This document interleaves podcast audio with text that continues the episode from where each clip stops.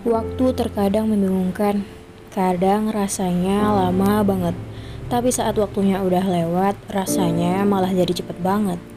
Waktu kecil pengen cepet gede, seru aja gitu lihat orang dewasa yang bisa ngapain aja.